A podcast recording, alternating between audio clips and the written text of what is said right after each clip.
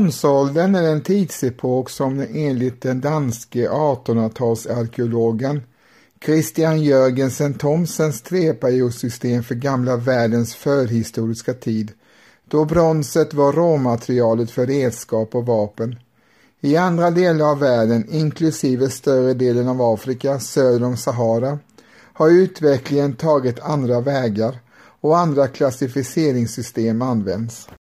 När Thomsen formulerade sin indelning på 1830-talet byggde den enbart på iakttagelsen att sten respektive bronsföremålen tycktes härstamma från tider då redskapsbeståndet huvudsakligen utgjordes av sten respektive brons. Systemet var främst avpassat för Skandinavien och visade sig även fungera inom norra och mellersta Europa. I Medelhavsområdet och Mellanöstern fanns redan en skriftlig kultur under bronsens tid och främsta redskapsmetall och där har inte definitionen fått samma genomslag. Normalt används inte heller bronsålder för att definiera tidsperioder på andra håll i världen men man använder det ibland i överflöd i betydelse för att beteckna kulturer där bronsen men inte järnet var känt. Efter Thomsen kom man även att upptäcka att bronsens inträde som redskapsmaterial i Skandinavien föregicks av en tid då koppar användes i redskap. Eftersom dessa redskap dock är ganska sällsynta och perioden i många avseenden kulturellt mer liknar tidigare delar av neolitikum, det vill säga den yngre stenåldern, räknar kopparstenåldern normalt till stenålderns yngsta period. Bronsåldern i Skandinavien avslutas då man övergår till att tillverka redskap i järn. Då hade järnet varit känt och använt i flera hundra år, om än främst som en enklare ersättning till bronset. Järnålderns inträde markerar dock på ett tydligt sätt ett brott mot de gamla maktstrukturerna, liksom ett brott av de dåvarande handelskontakterna och i Mellaneuropa förmodligen av större folkvandringar och en krigisk tid. Det är samtidigt en period av en förändrat klimat, vilket gör perioden till en lämplig avslutningstid. Bronsåldern i Skandinavien brukar normalt omfatta perioden 1800 till 500 f.Kr.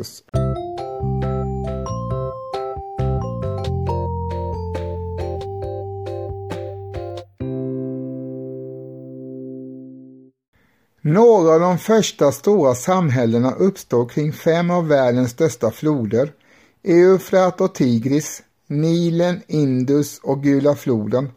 Människor drogs till floderna bland annat därför att klimatet förändrades. Det blev varmare och torrare och skogarna och grässlätterna förvandlades långsamt till stepp och öken. Därför flyttade människor till de områden där det fanns vatten och bördig jord, främst runt de stora floderna. Redan 3000 f.Kr. framställdes bronsyxor i Thailand.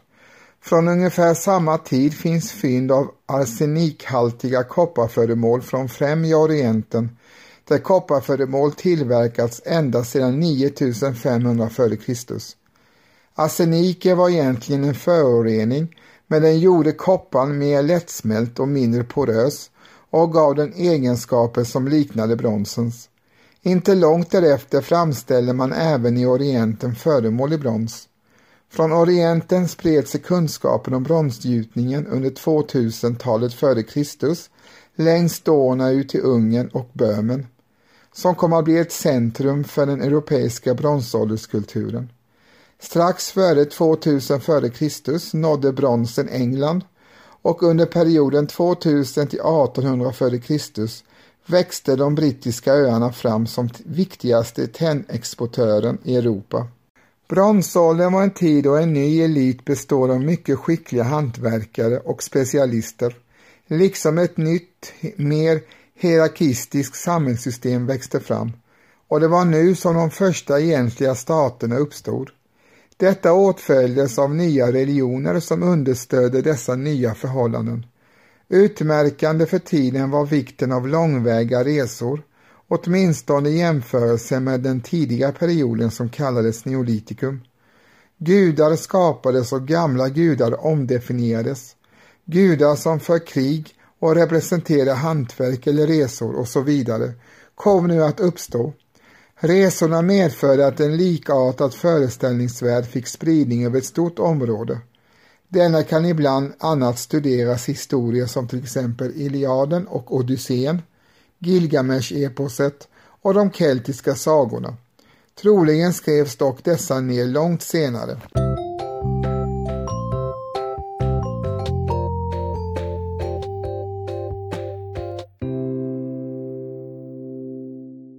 Bronsåldern i Mellanöstern och östra Medelhavet präglades av perioder av centralisering och decentralisering. Dock var den politiska och ekonomiska grunden stadsstater och dessa regionala områden. Under vissa perioder kontrollerades området av en dominerande statsvälde eller en härskarfamilj. Den första var Uruk och dess urbanisering under början och mitten av det fjärde årtusendet före Kristus. Därefter kom området att bestå av konkurrerande stadsstater där kontrollen över större områden endast kunde hållas under en kort tid. Efter detta följde en central enad politik som började med Sargon av Akkad. Efter detta var det återigen konkurrerande stadsstater som stred om makten. Denna period efterföljdes mellan cirka 1500 till 1200 f.Kr. av Mykene, Hatti, Assyrien, Babylonien och Egypten. Dessa stater hade en nedgångens period under 1200-talet f.Kr. vilket resulterade i folkvandring och misär. Mellan dessa cykler inföll kris och krig, invasioner från olika stammar och ödeläggelse av städerna. En del kriser kan även kopplas till de klimatförändringar som inträffade på 2300-talet f.Kr liksom kollapsen av Uruk runt 3000 f.Kr. som medförde folkvandringar. Under hela bronsåldern kan man skönja en allt större förmåga att kontrollera territorier och att ta ut tributer och skatter. Stora områden med fri boskapsskötsel låg utanför makthavarens kontroll medan i slutet av årtusendet rådde motsatsen i vissa stater. Privatiseringen ökade under tredje årtusendet i Mesopotamien. Specialiserade och självständiga handelsmän organiserade i familjeföretag och gillen utvecklades parallellt med Mellanösterns stadsstater och man kan se självständiga handelsföretag från början av andra årtusendet före Kristus bli allt mer tydliga i filmmaterial exemplifierade med karavanrutten mellan Assur och Kanesh. Balansen mellan tempel-palatssamhället och den privata företagsamheten av fria bönder, hantverkare och slavar ändrades långsamt över tiden. En följd av detta var att skuldsättningen hos privatpersoner ökade och eftersom staten inte längre utjämnade alla skulder som man av tradition tidigare hade gjort innebar att människor flydde till andra områden och länder. Stadsstaterna som sådana var under hela perioden multietniska och flera språk talades. Från handelskolonier till invandrande grupper som hantverkare, handelsmän och boskapsskötare och krigare. Dessa kom under vissa perioder att dominera och till och med ta över områden när staterna var på nedgång. Huritier i norra Mesopotamien och Syrien, Kassatier i Babylonien och Hyksos i Egypten är typiska exempel på detta. Lojaliteten låg inte i det etniska eller ett visst språk, utan till kungen i stadsstaten. Det är en av förklaringen till det enorma kontaktnätet som utvecklades i Eurasien under bronsåldern. Ledarskapet var teokratiskt. Ledarna hade en direkt länk till gudarna. Kungarna genomförde ritualer som de vore gudar och gudarna kunde ibland vara människor. Stilen och ritualerna varierade medan Gud i ledarskapsbanden var starka. Handel, resor och esoterisk kunskap var en integrerad del av maktutövandet.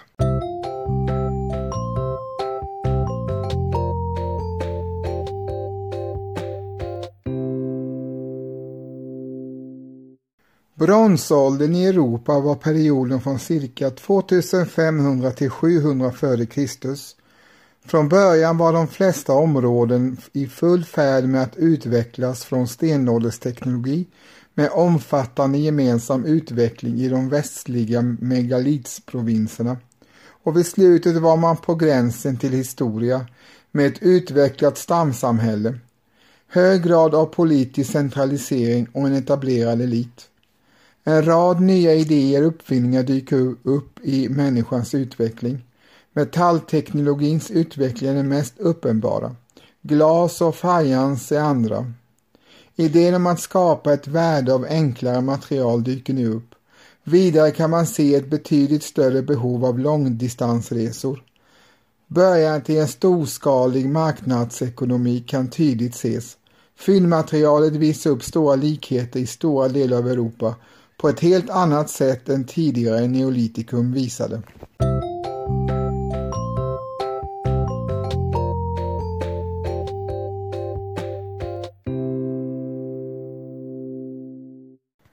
Bronsålderbosättningar var generellt varken stora eller välutvecklade. De flesta var små gårdar. Allt eftersom blev de allt mer utvecklade, större och befästa, speciellt i Centraleuropa. I filmmaterialet kan man inte se någon tendens till social differentiering. Istället blev det allt tydligare med behovet av förvaringsutrymmen och möjlighet att nå omgivningen. Skillnader mellan bosättningar som är utspridda och koncentrerade kan göras.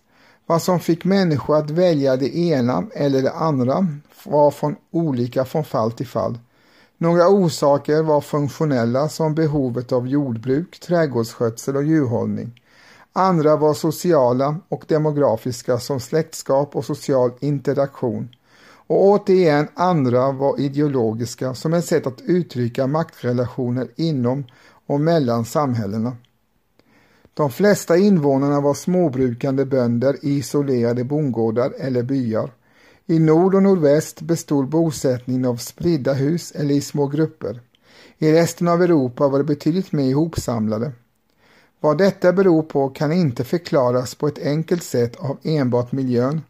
De tätt ihopsamlade byarna i Tyskland ligger till exempel bara ett tiotal mil från de spridda bosättningarna i Danmark.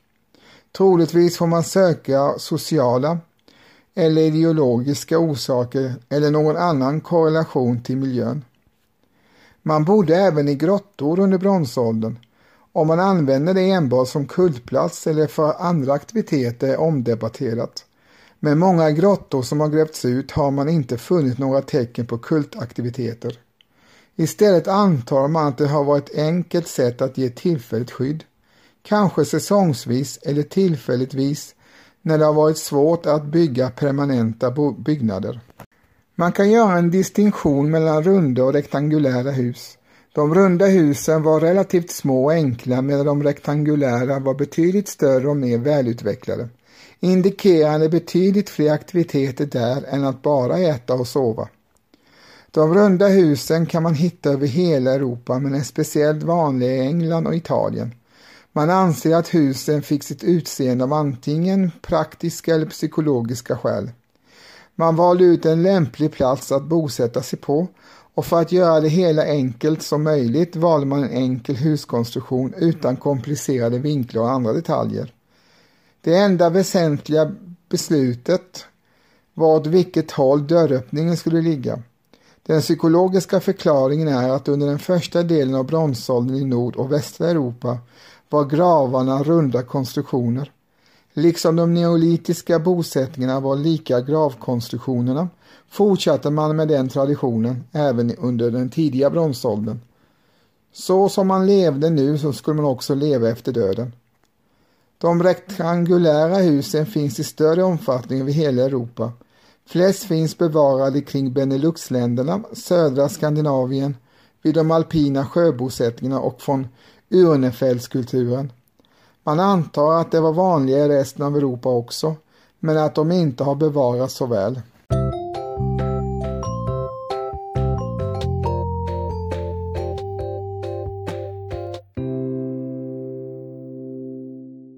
För bearbetning av jord har få artefakter bevarats då majoriteten förmodligen var av trä. Men så mycket har bevarats att man anser att åder var det huvudsakliga redskapet. Från bevarande hällristningar kan man se att ådrarna drogs parvis med oxar. Dessa kopplades samman med ok. Sådden skedde förmodligen för hand. För att skydda grödorna mot djur byggde man murar, staket eller använde sig av växter som naturliga skydd. För att rensa ogräs använde man sig av hackor och pinnar. Vid skörd använde man sig av skäror. I början av bronsåldern var de av flinta eller trä men sen övergick man till bronsskäror. För att bevara skörden använde man sig på många håll i Europa av förvaringsgropar. Dock blev det inte så vanligt i hela regionen förrän i slutet av bronsåldern. På våta områden använde man sig av spannmålsmagasin. I dessa byggnader förvarades spannmålen i stora vaser. Detta användes också på torra platser där man inte ansåg det lämpligt att bevara spannmålen i gropar. Den vanligaste boskapen var nötkreatur. De gav mer kött och mjölk och var mer användbara i jordbruket. Därefter kom gris och getdjur. Deras popularitet steg under bronsåldern. Grisar är förutom att de ger kött utmärkta allätare, har stor tolerans för olika miljöer och kunde utnyttjas till markröjning. Från getdjuren får man både kött och mjölk, ylle, skinn och horn. I medelhavsområdet dominerade djuret. Hästar fanns, men de spelade mindre roll som mat. Vilda djur spelade en liten, liten roll. De vanligaste odlade grödorna var vete och korn. Man kompletterade detta med ärtväxter och bönor och olika vilda växter. Ett stort urval av frukter och bär samlades också in. Med andra ord användes ett stort urval av växter inte bara för att få varierad diet men också för att maximera avkastningen i sin miljö. Vid början av Urnefältskulturen kan man se ett tydligt skifte av odlande växter. Växter som dinkel och hirs började odlas. Även oljerika växter och ärtväxter blev vanliga.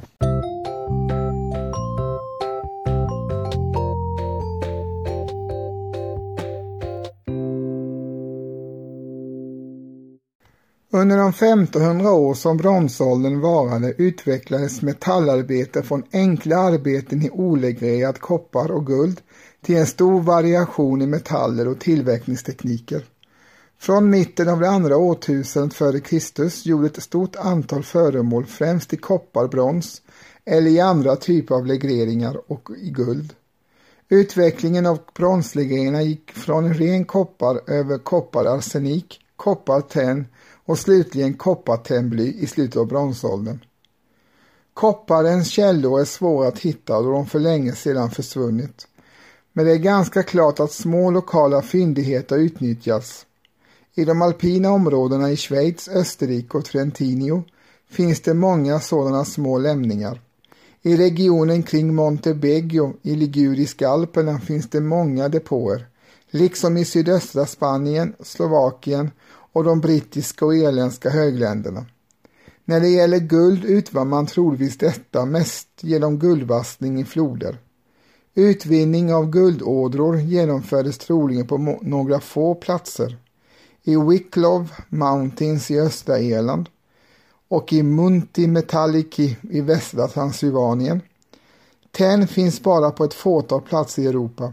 Cornwall i på Storbritannien var störst. Vidare är det troligt att tenn utvanns i Sant Eval, Trevisker och Calegos och Sant Astruel. Storbritannien, Iberien, Toscana och västra Serbien har små tennfyndigheter. Bly är inte lika sällsynt utan kan hittas över hela kontinenten, ofta i form av blyglans. Detta innehåller ofta stora mängder silver, vilket kan ha varit en av huvudorsakerna till intresset för bly. Ett flertal ljudtekniker användes runt om i Europa. Sten, lera, sand och vax. Speciellt kan nämnas att vax användes till den välutvecklade spiralornematiken och till bronslurarna i Skandinavien. Guld tycks ha haft en särskild plats i bronsålderns värld. Andelen guld varierade från region till region och period till period beroende på tillgång och popularitet. Vid början av bronsåldern var tillverkningen ganska enkel, drivet guld. Bearbetningsmetoderna blev allt mer utvecklade under perioden. Bly användes både i legreringar och i sin renare form. Tenn har använts både i legeringar med koppar för att bilda brons, men också i oleglerad form. Tennföremålen är små och ovanliga. Ett halsband med tennpärlor i Odorn och Saturn Verney. Tennålar på hjalten till en kniv i Bergerosteveld och träkärl i Jylland. I de norra delarna av Alperna användes det som dekorativa element på keramik. I det tysk-schweiziska området tycks det inte ha existerat någon keramik eller gravtradition. Under senare delen av bronsåldern tillverkas allt fler järnföremål, speciellt i östra och södra Europa. Dock har man funnit några järnföremål eh, från tidigare bronsålder. Då inga tillverkningsplatser har hittats i Europa antar man att det kommer från Anatolien. Dock finns det tecken som tyder på att en viss tillverkning skedde även här.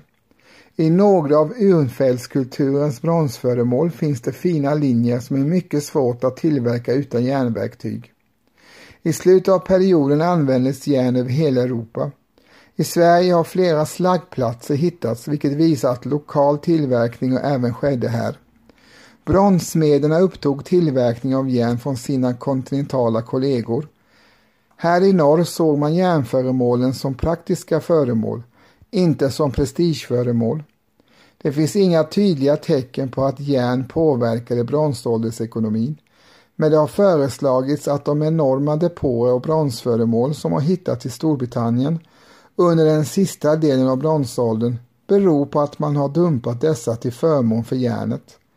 Utan tvekan var de flesta av vardagsföremålen liksom till viss del vapen och viss ornamentik i metall.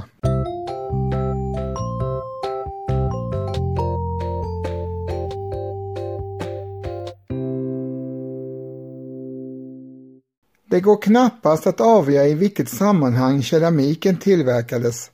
Män, kvinnor, hög eller låg status, hur det transporterades etc. Dock lade man ner en stor energi på tillverkningen i vissa områden.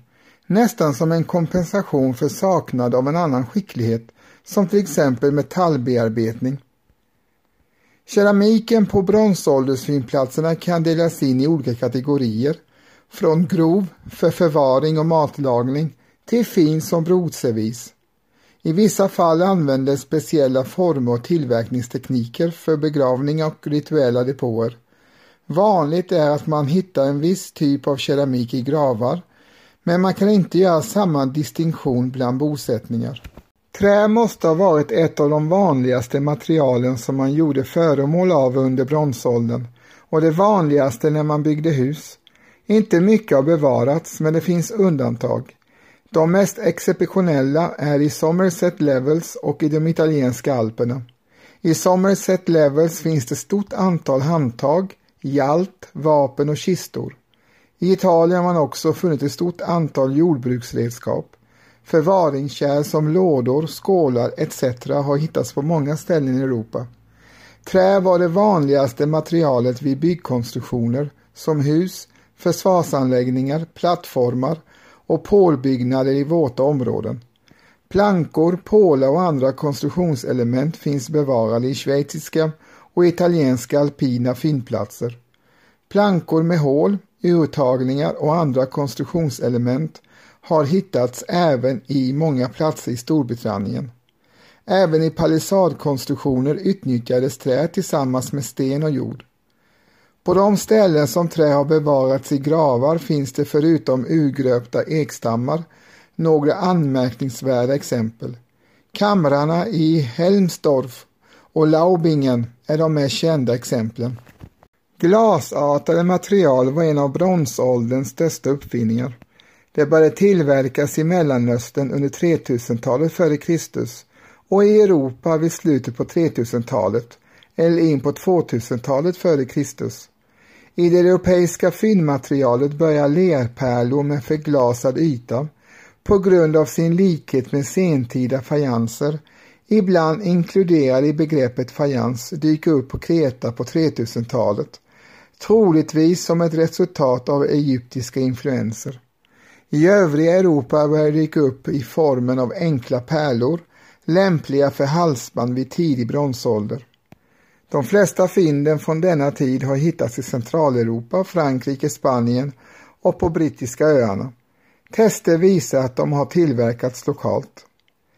Ända till slutet av bronsåldern är glaspärlor extremt sällsynta, vilket stämmer väl med att glastillverkning är en mer avancerad process än tillverkning av pärlor med förglasad yta. Dessa glaspärlor tillverkades lokalt. Glaspärlorna var även dekorerade i olika mönster. Liksom bronstillverkningen var glas och fajansindustrin början till tillverkningstekniker för att öka värdet och artistiska meriter till annars mindre värda material. Liksom kopparindustrin kom dessa material att först vara sällsynta och enkla till att bli vanligare och mer konstnärligt utsmyckade. Det blev en vara som hade ett värde och prestige. På ett sätt visades här de första tecknen på en industri som skapar ett värde av enklare material. Salt var en av bronsålderns viktigaste handelsvaror. Saltkällorna var många. Vid kustlandskap utvann man det från sekundära havsvattenkällor som havsväxter och naturliga avdunstningar där saltkoncentrationen kunde ökas avsevärt under sommaren. Vattnet kunde sedan kokas och samlas in i bägare eller formar, torkas och lätt transporteras.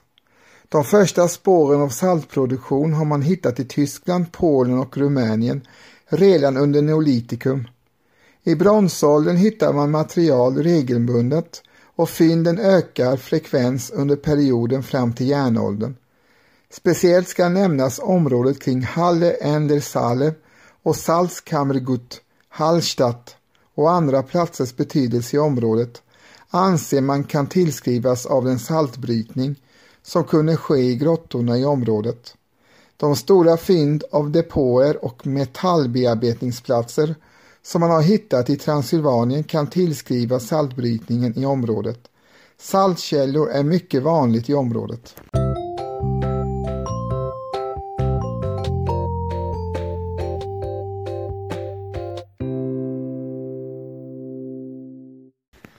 Att bronsåldern i Europa var en krigisk tid kan visas med hjälp av tre saker. Vapen och rustning är lika vanligt här som i det mykenska Grekland. Många av gravarna är av krigarkaraktär och de många fortifikationerna runt om i Europa. En rad vapen uppfanns under denna period. Ett var hillebarden, som blev på modet under en kort tid under tidig bronsålder. Svärdet dök upp tidigt i Karpaterna och svärdet blev allt vanligare under Ulmfältskulturen hade flera modeller utvecklats. Under bronsåldern var det första gången som man tillverkade vapen som enbart skulle användas för att döda människor. Även rustningar och sköldar utvecklades, kanske med början under mellersta bronsåldern och kulminerade i de magnifika bronsrustningarna i Urnfältskulturen. Dessa användes troligtvis främst till parader. Något som också utvecklades var de mindre spektakulära men troligtvis mer effektiva läderrustningarna. Alla dessa vapen var funktionella men de flesta hade också en symbolisk funktion. Initialt användes de som vapen och några förlorade aldrig sin funktion medan stridsyxan tycks ha förvandlats till ett föremål för prestige och makt. Andra vapen med sin dekoration tycks ha varit symboliska föremål. Prestigevapen var också en stor del av den mängd föremål som markerade rang under bronsåldern. Både vapnens detaljgrad när det gäller dekorationer och gravrikedomarna när det gäller vapen visar att symboliska aspekter markerades med subtila skillnader i stilformer. Svärd och spjut förekommer regelbundet i gravarna under, under perioden i den södra skandinaviska bronsåldern. De figurerar regelbundet också på hällristningar. Inga visar egentliga strider, de är symboliska. Troligtvis är striderna symboliska eller rituella. Till detta ska läggas bronssköldarna som är för tunna för att användas i riktiga strider. Dessa bilder och symboler visar på att bronsåldersmänniskorna lade stor vikt vid denna aspekt på livet. Dessa stämmer också väl överens med de vapen som hittats i gravar runt om i Europa. Mycket av bronsåldersmänniskornas värld domineras av högre statusindivider som använde ceremoniella strider bland annat för att visa status. Strider som sådana mellan individer och mellan olika grupper av människor var en naturlig del av bronsåldersvärlden. Parader, ceremonier, strider och vapen relaterar till samma generella fenomen. Stridsutrustningen var en del av den livsstil som glorifierade krigaren, både genom kroppsornamentiken och genom hans vapen. Själva krigsidentiteten var viktig både i livet men också i döden. Denna estetik visar på den krigsidentitet som uppkom i Tyskland under bronsåldern, något som inte förlorades förrän området kontrollerades av Medelhavets aristokrati.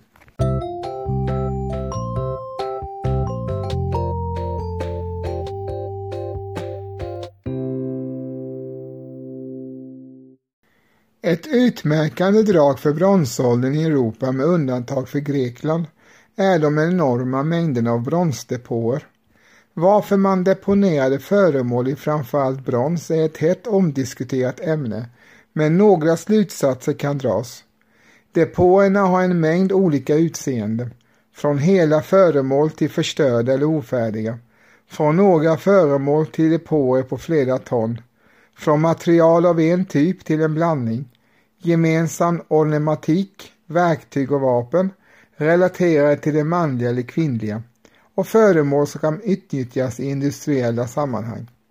Det är svårt att hitta gemensamma drag över större områden eller över en längre tidsperiod utan det gemensamma får sökas regionalt eller för kortare tidsperioder. De tidstypiska depåerna i Ungern koncentrerades under korsiderfasen detta vill man länka till politisk oro. Depåerna här var ett sätt att gömma bronsen för säkrare tider. I östra Europa kan depåkoncentrationen kopplas till samma sak och den politiska oron som skedde under perioden. På andra områden i Europa har man inte kommit fram till konsensus om varför man deponerade material. Många vill se dessa som offergåvor medan andra ser dem som rena nyttoföremål. Ingen tillfredsställande förklaring har presenterats. Dock kan man ofta koppla depåer till våta områden som myrar, sankmarker, floder och sjöar. Områden som torde vara svåra att komma åt även för de som visste var föremålen var nedlagda. Följaktligen var det meningen att de inte skulle användas igen.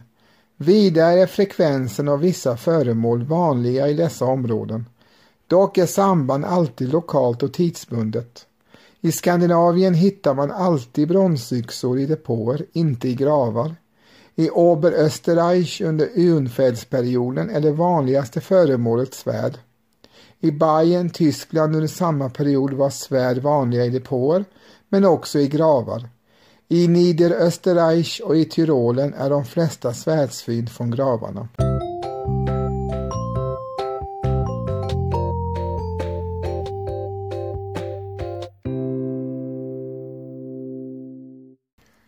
Handeln under bronsåldern var relativt outvecklad. De flesta bronsålderssamhällena deltog endast i lokal handel, ibland interregional. Handel med matvaror skedde lokalt med undantag av varor som lämpade sig för långväga handel som kryddor och torkad eller saltad mat. Vissa råvaror däremot som metaller kunde förflyttas interregionalt och vissa varor transporterades långa sträckor såsom bärnsten som färdades mellan norra och södra Europa. Hjulet dyker upp i hela Europa under kopparstenåldern. Dessa var i solitt trä och måste ha använts i jordbruket. Flera vagnar som man har hittat måste ha varit enormt tunga, cirka 7-800 kilo. Varit långsamma och tog ha fastnat om marken var för lerig och mjuk och således var det sannolikt att dessa vagnar användes lokalt. Möjliga spår av vägbeläggningar och hjulspår har hittats i Charb och Beville, Zug i Schweiz och är från höggravskulturen. Beläggningen består av rader med värmebehandlad sten och keramikspill och hjulspåren ligger under dem. Nära Oxford i Storbritannien har också en väg från bronsåldern grävts ut. För snabbare transporter användes häststridsvagnar. Dessa hittas först i Mykene. Här använder man sig för första gången av ekrade hjul. Nu kunde man reducera vagnarnas vikt utan att äventyra hjulens hållbarhet. Tidiga exempel finner man i de södra ryska stäpperna i Volga-Uralregionen och under det andra årtusendet före Kristus i Georgien och Armenien. Längre västerut får man förlita sig på de speciella vagnsminiatyrer som man hittar under de tidiga bronsåldern i centrala Europa för att studera spridningen. I den sena bronsåldern får man i de flesta fall förlita sig på de märkliga kultvagnar i miniatyrer som man har hittat. Även om det är av kultisk natur och det är osäkert huruvida det representerar verkliga vagnar kan man dra några slutsatser.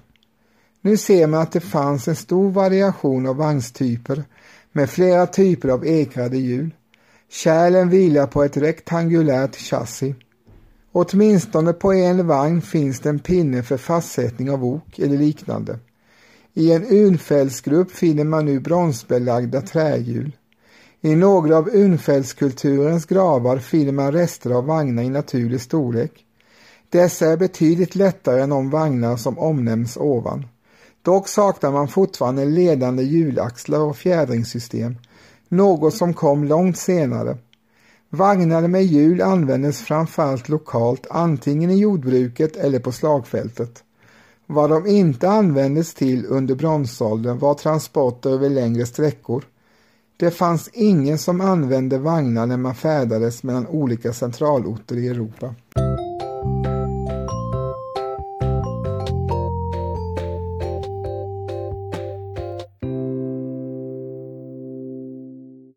De flesta bronsåldersbåtar man har funnit, både verkliga båtar men också avbildningar på hällristningar, har varit båtar som inte lämpar sig för öppet hav. De har använts på floder, åar eller på sin höjd längs kusten. Den vanligaste typen är urholkade trädstammar.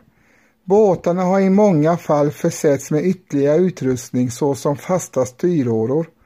Storleken på båtarna är mycket varierande, mellan 3 till 16 meter. Det framförs troligtvis med paddlar. Den andra typen av båtar är funna enbart i Storbritannien. Det är av träplankor ihopsydda av olika fibrer. Det finns åtskilliga bevis för hur båtar såg ut i Medelhavsområdet. Avbildningar i det egeiska området visar båtar med plankor, segel och detaljerande överbyggnader. Dessa följer troligtvis kusten, öppet hav undviks troligen. Under bronsåldern begraver man på tre olika sätt. Obrända i faltmarksgravar, obrända i högar och genom kremeringar. Även om man kan få förmoda att ritualer och ceremonier skilde sig i kontinenten kan man se att man använder sig av naturliga platser som grottor och våta platser. För depåer får man anta medföljande ritualer i områdena. Vissa gemensamma symboler kan spåras som solen, fåglar, djur, skepp och tvillingfigurer. Det fanns också ett starkt ceremoniellt element vid skapandet och deponerandet av artefakter. Bronsföremål för parader, musikinstrument. Platser som i sig var ganska diskreta till sitt utseende. Med andra ord ett starkt intresse för det visuella. Generellt var klimatet under bronsåldern i Europa ganska varmt. För nya världen delas forntiden inte in i epoker efter verktygsmaterial. Trots allt fanns i Amerika några kulturer som kan jämföras med bronsåldern i gamla världen. Till exempel var Kimmerfolket omkring 1270 till 1470 efter Kristus framgångsrika i framställningen av brons innan de blev helt uppslukade av inkafolket. Även under mochekulturen som levde fram till 600-talet fanns kopparföremål och en legrering av guld och koppar som senare av upptäcktsresande från Spanien fick namnet Turbaga. De kulturer som mellan 900 till 1600 levde vid Mississippifloden kan räknas till Kalkolitikum. Däremot hade andra kända indianfolk som maya, tolteker och azteker inga metallföremål av betydelse. Enda undantaget var objekt för ritualer men dessa var oftast av ädelmetall. Enkla verktyg skapades däremot av organiska ämnen eller sten.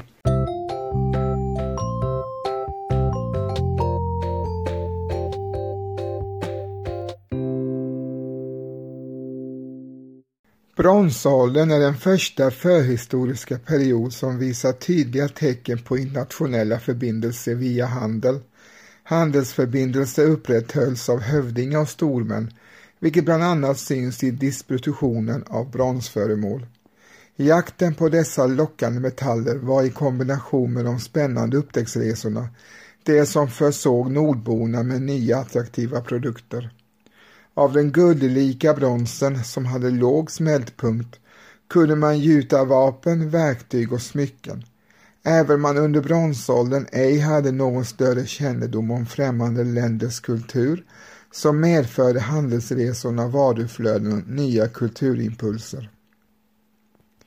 När Sverige befann sig i slutet av yngre stenåldern hade delar av Europa och främre orienten redan hamnat i vad som kallas för kopparstenåldern och för cirka 3200 f.Kr. hade man där börjat experimentera med att legera koppar. Till en början användes arsenik vilket gav en spröd brons.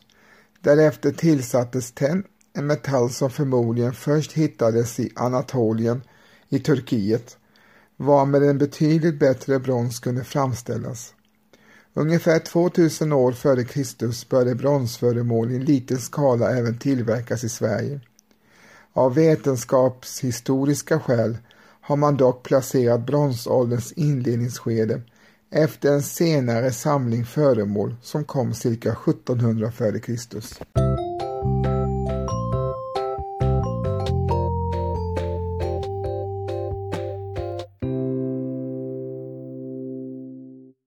Bronsåldern i Skandinavien kan delas in i två perioder, den äldre och den yngre bronsåldern. Den äldre varade mellan 1700 till 1100 f.Kr. Vid den nordiska bronsålderns början hade en ny kultur nått fram till Östersjön, sydöstra kust, kallad höggravskulturen. Förutom de imponerande gravskicket med storhögar förde den med sig nya hästdragna vagnar och stridsvagnar. Något senare nådde andra indoeuropeiska kulturer fram till Indien i sydöst och till Taklamakan i nordöst, från vilka de berömda Taklamakan-mumierna kommer. Även i Östasien började man vid denna tid att använda brons, som vid Gula floden i Kina, Banxiang i Thailand. I Sydöstasien används en annan teknik för bronstillverkning. Men det är inte helt omöjligt att tenn, som är mycket ovanligt och därför var värdefullt i Europa, letade sig fram ända från Östasien där de förekom betydligt rikligare redan under bronsåldern. I mesopotamiska skrifter nämns karavaner från öst med tenn. Den första perioden av bronsåldern, 1700 till 1500 f.Kr. är ganska fattig på brons och alla de föregående typerna av föremål från senneolitikum fanns kvar liksom brukt att bygga små enkla hällkistor. Först något senare, runt 1500 f.Kr. kom det stora genombrottet för bronsåldern i Norden vilket medförde att ett stort antal nya föremålstyper av brons och guld ersatte de föregående i flinta etc. Samtidigt krympte hällkistorna ännu mer och täcktes av en stor jordhög i södra Götaland och av runda stenar som bildade ett röse i norra Götaland och längre norrut. Lite senare förekom importföremål både västerifrån såsom Irland och England och från många olika områden söderifrån. Handeln tillsammans med de nya bronsvapnen gjorde hövdingarna mäktigare vilket manifesteras i storhögarna. Kulturpåverkan var stark och snart uppfördes också imponerande storhögar i Sverige, som kungagraven i Kivik. Handeln bestod förmodligen främst av import av metall och salt, medan bland annat bärnsten exporterades. Även i Sverige tycks hästen och vagnen haft en stor betydelse, men framför allt var skeppen viktiga. De är återgivna på åtskilliga hällristningar och skeppssättningar. Det är troligt att det var skeppen som möjliggjorde den för tiden med europeiska mått mätt och med undantag av de grekiska öarna tämligen utvecklade nordiska bronsålderskulturen. Handeln krävde också en valuta och förmodligen användes guld, som har hittats i relativt riklig mängd från denna tid. Men ännu viktigare än handeln var förmodligen det varma klimatet som möjliggjorde en relativt hög befolkningstäthet även i Sverige. Äldsta daterade bronsåldershuset i Bohuslän ligger i Munkedal på en plats som kallas Finska barnhemmet. Platsen undersöktes av arkeologer från Bohusläns museum år 2005. Platsen ligger strax söder om det kända världsalvet med alla hällristningarna. Husets grundplan är inte större än 52 kvadratmeter och är cirka 6 gånger 4 meter. Husen från denna tid gjordes av att en rad med stolpar grävdes ner i en linje, så kallade mittstolpar som bar upp taket. Därefter grävdes ett antal väggstolpar ned runt om och väggarna byggdes av vidjor och lera. En eldstad fanns ofta i en av ändarna på huset. I andra delar av Sydskandinavien har hus med betydligt större dimensioner påträffats, upp till 20-30 meter långa. Men detta är alltså det enda huset från den äldre bronsålder i Bohuslän. En vanlig fornlämningstyp i Norrland är de gravrösen som ligger som ett pärlband i kustlandet, nära den dåvarande strandlinjen. Det finns mer än 2000 rösen längs hela Norrlandskusten, flest i Hälsingland, Medelpad och Ångermanland. De ligger på en höjd över havet som gör att de kan dateras till perioden 1200 till 700 f.Kr. Rösena har en inre konstruktion med en gravgömma som är mycket lik gravhögarna i Sydskandinavien under äldre och yngre bronsålder. De anses därför vara synliga spår av förbindelse mellan syd och nord under den aktuella perioden.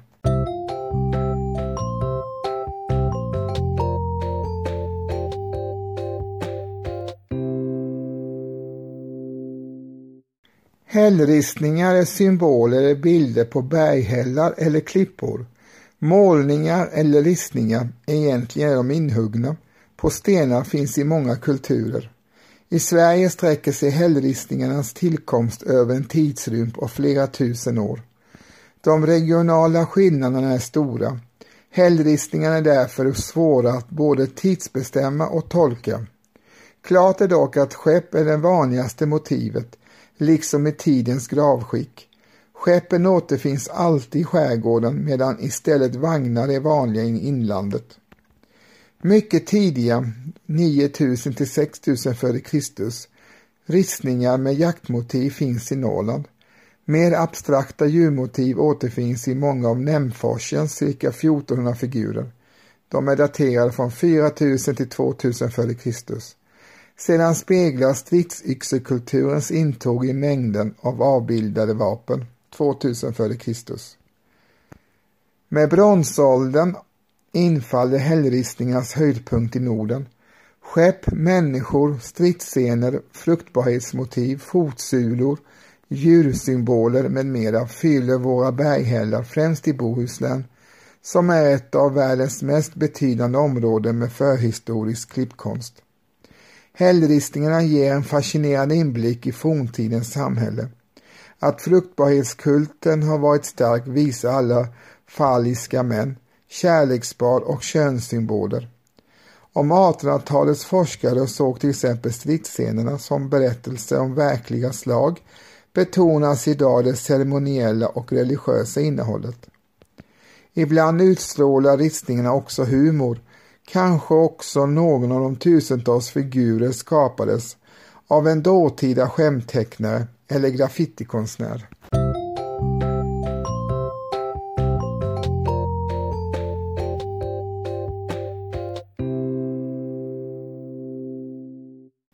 Yngre bronsåldern varade mellan 1100 till 520 f.Kr.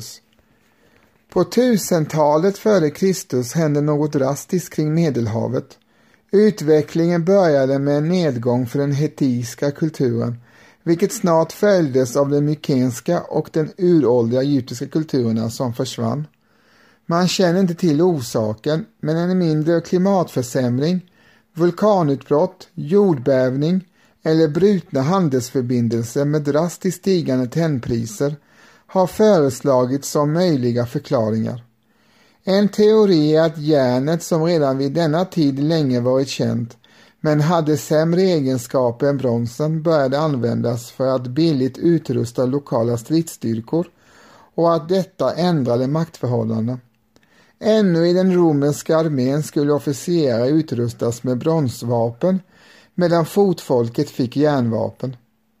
Användningen av järn och delvis brustna handelsförbindelser skulle få konsekvenser i övriga Europa. I Centraleuropa övergick högravskulturen till urnefeldskulturen som tycks vara mindre aristokratisk. Urnegravarna kom också till Sverige med nya storhögar som Hågahögen och Lugnarohögen anlades samtidigt och den nordiska bronsålderskulturen liksom den asiatiska bestod. Efter en ny klimatförändring omkring 850 f.Kr. till 760 f.Kr och sedan ytterligare en plötslig klimatförändring omkring 650 f.Kr. tog bronsåldern snart slut. I Norden ersatte järnet successivt bronsen under 500-talet f.Kr. och från de kommande århundradena finns varken guldfynd eller storhögar.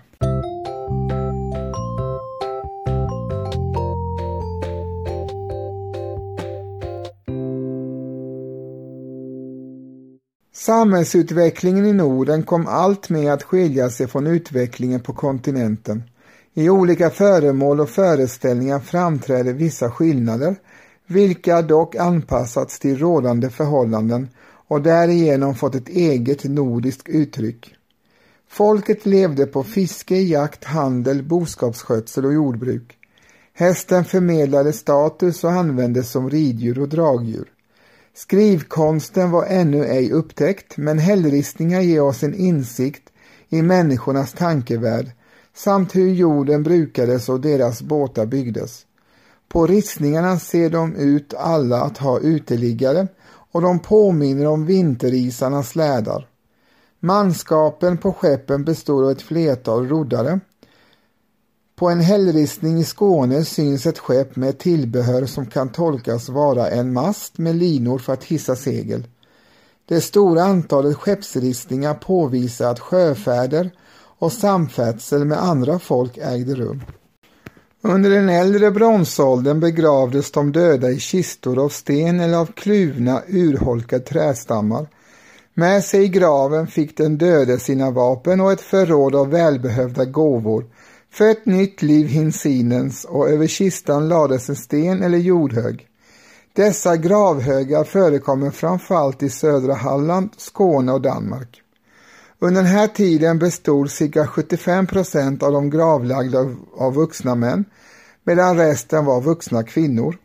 I Bohuslän finns drygt 2000 rösen registrerade varav de flesta förmodas tillhöra den äldre bronsåldern. Sett till en byggnadstid på 400 år och med flera generationer på cirka 25 år vardera blir det 125 rösen per generation där nästan 100 var mansgravar. Således skulle Bohusläns befolkning blott omfatta ett hundratal familjer som hade sociala rättigheter att gravläggas på detta sätt, medan befolkningen i övrigt inte efterlämnat några spår. Givetvis hamnade de alla i jorden, men de var endast den rika som fick begravas i bättre gravar och ju större hög desto högre status. Vid övergången till yngre bronsålder infördes likbränning och snart var kremering det mest normala. Gravsättning skedde nu i ojordade rösen som restes av välsorterad kummelsten. På högt belägna platser helst väl synliga platåer med bra utsikt över land och vatten. Mer låglänt anlagda gravar skedde i form av skeppssättningarna vars relingar och stäv består av uppresta stenar. De ståtligaste stenskeppen av detta slag finns på Gotland. Ni har precis hört mig, Nicke Grozanowski, berätta om den tid som vi idag kallar för bronsåldern då vi människor övergick från att eh, bearbeta sten och flinta till att börja bearbeta brons, det vill säga en legrering av tenn och koppar. Detta innebar att stora riken kunde uppstå och de första stadsbildningarna bildas under bronsåldern ute i Europa och säkerligen även här uppe i Norden. Det vittnar om inte minst de stora gravhögarna om. Detta var också en tid då de stora klasskillnaderna i samhället uppstod, där de rika blev rikare och de stora hövdingdömena uppkom och de övriga befolkningen förblev fattiga och en del till och med slavar. Jag hoppas att ni uppskattar den här avsnittet av den här spännande tiden. I avsnittets början fick ni höra Carl Michael Bellman och hans eh, visa Fjärilvingar syns på Haga, även kallad för Fredmans sång nummer 64.